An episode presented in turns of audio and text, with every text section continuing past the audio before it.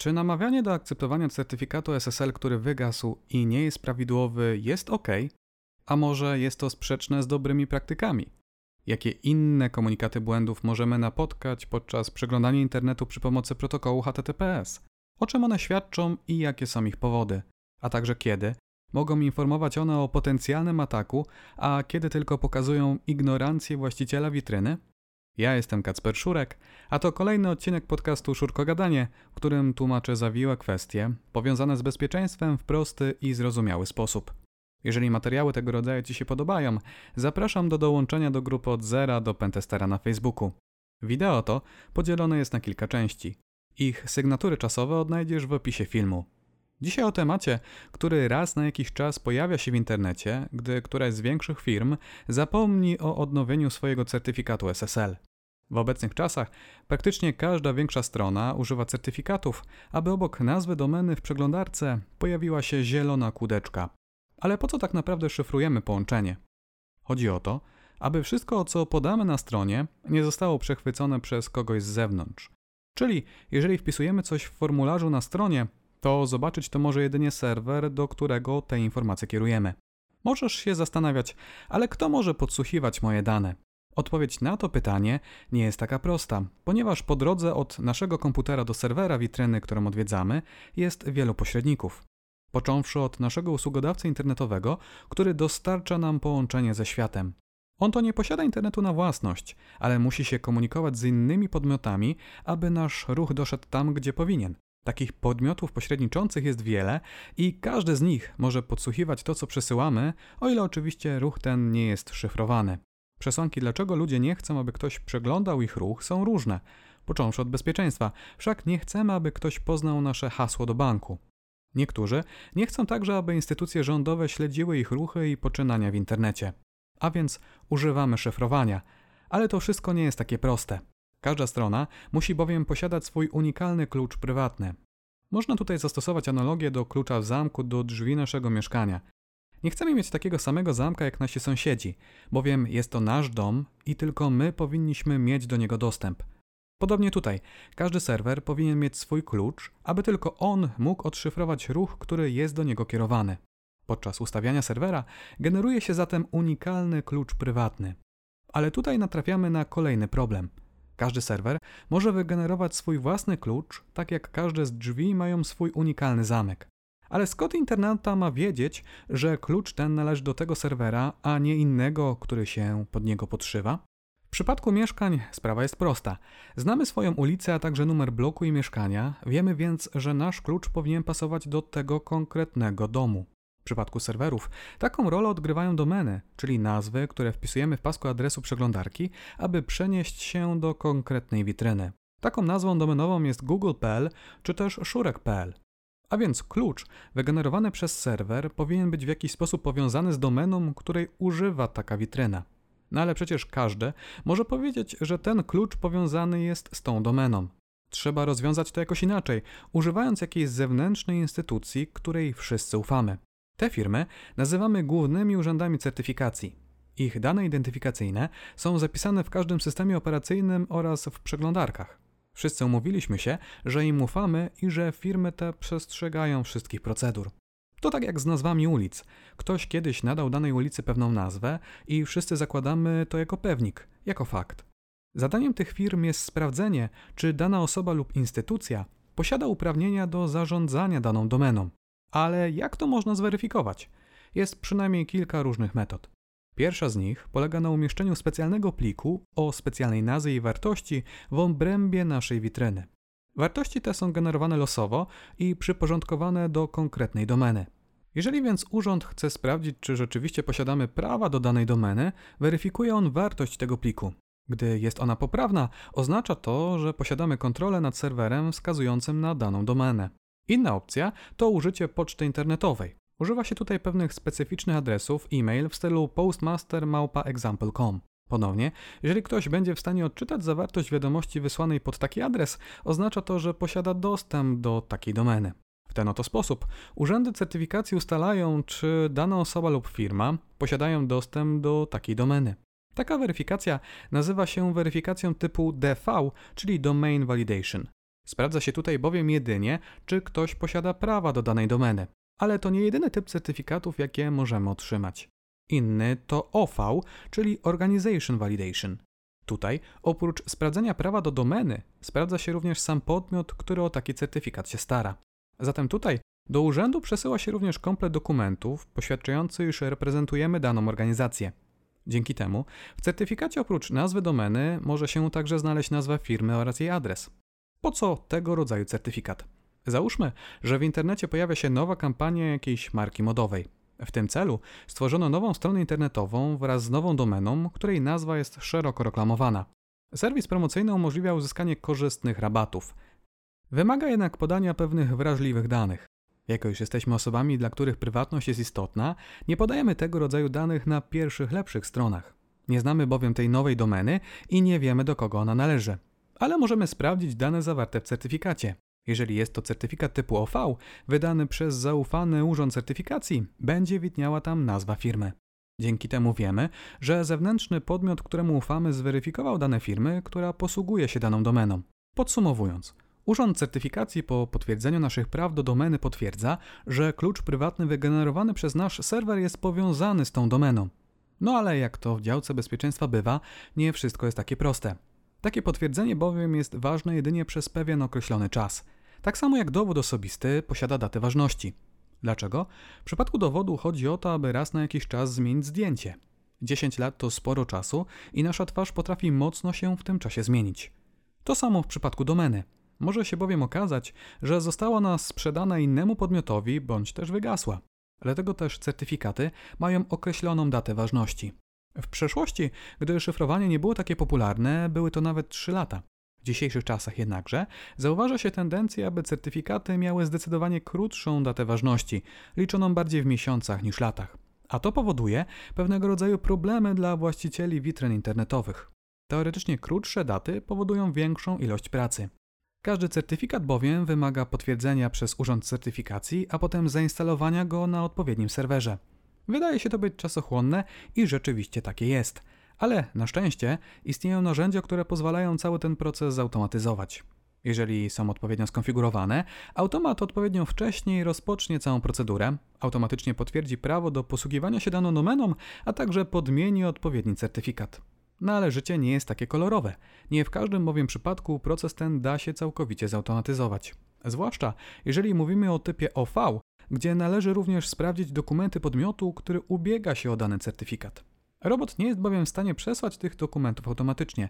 Co więcej, po drugiej stronie, czyli w urzędzie, dane te są zazwyczaj weryfikowane ręcznie. To sprawia, że niektóre certyfikaty muszą być odnawiane ręcznie. A to rodzi pewne problemy, zwłaszcza jeżeli takich domen jest kilkanaście a posiadanie kilkunastu domen w obrębie jednej firmy nie jest takie rzadkie, jak mogłoby się wydawać.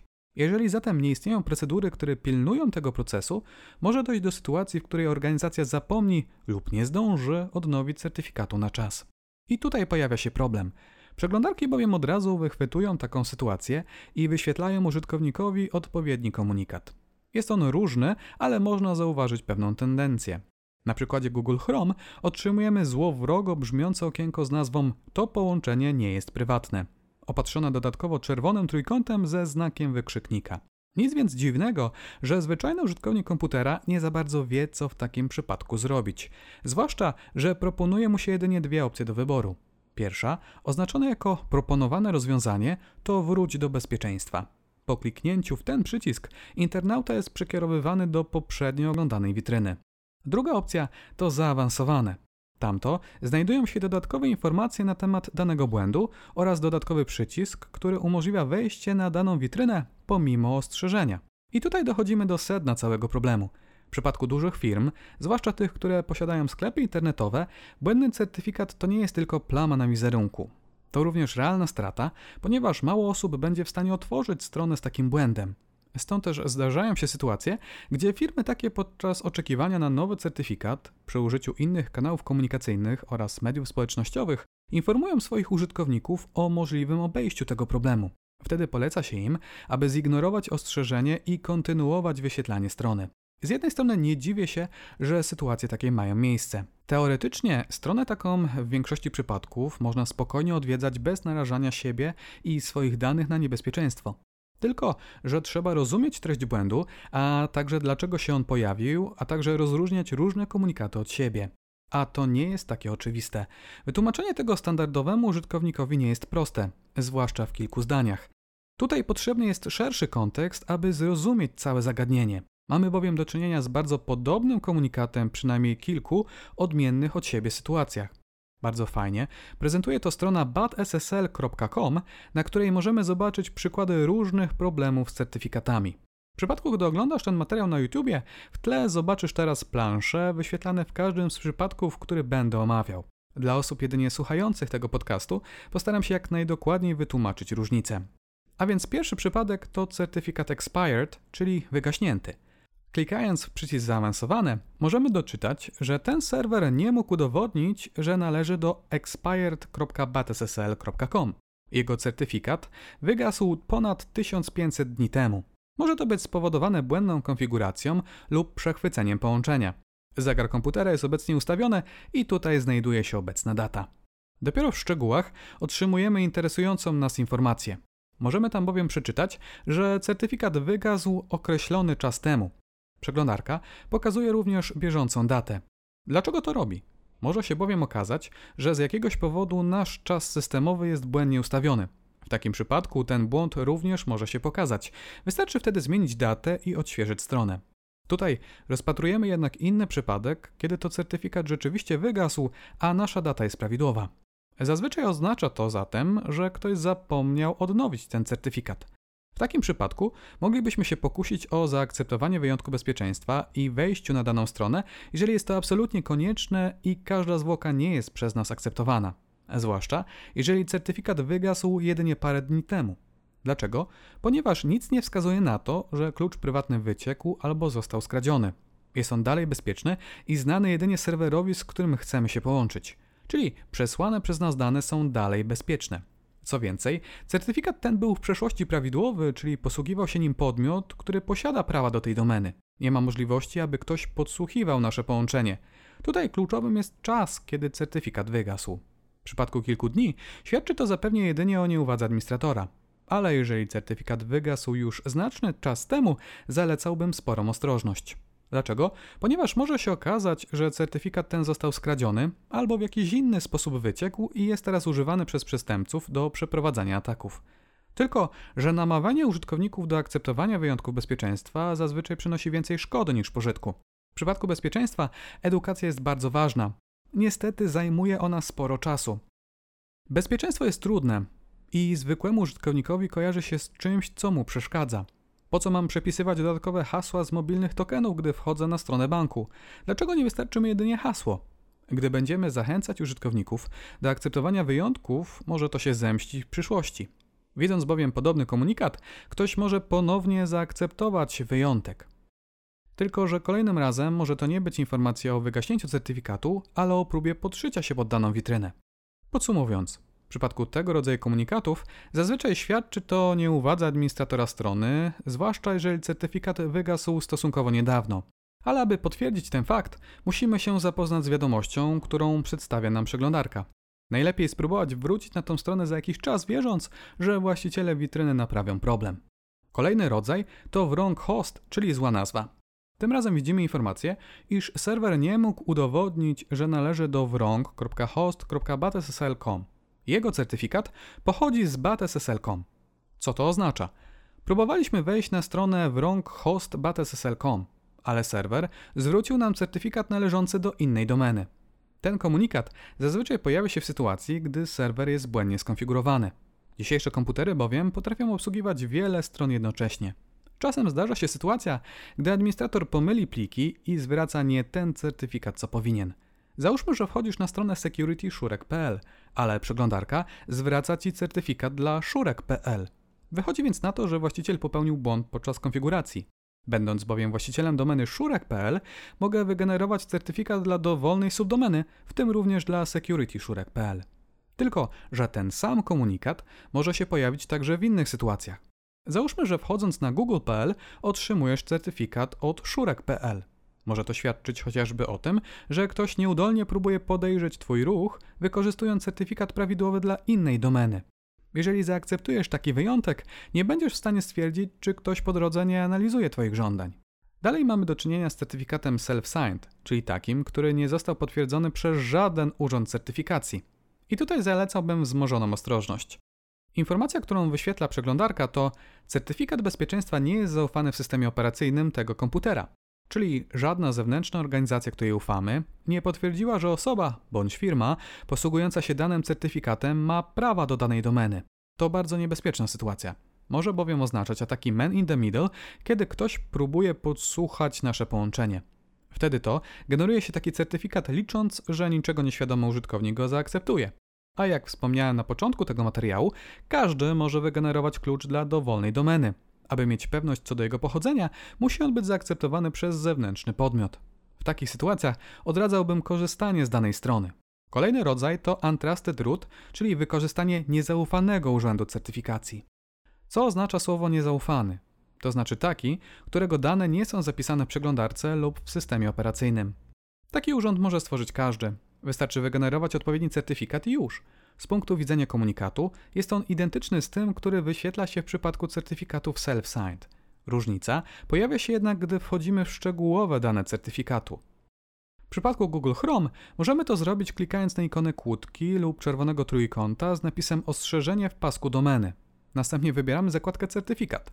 Tutaj to widzimy więcej szczegółów, m.in. informacje dla jakiej domeny jest on wystawiony, a także przez kogo oraz w jakich datach był ważny.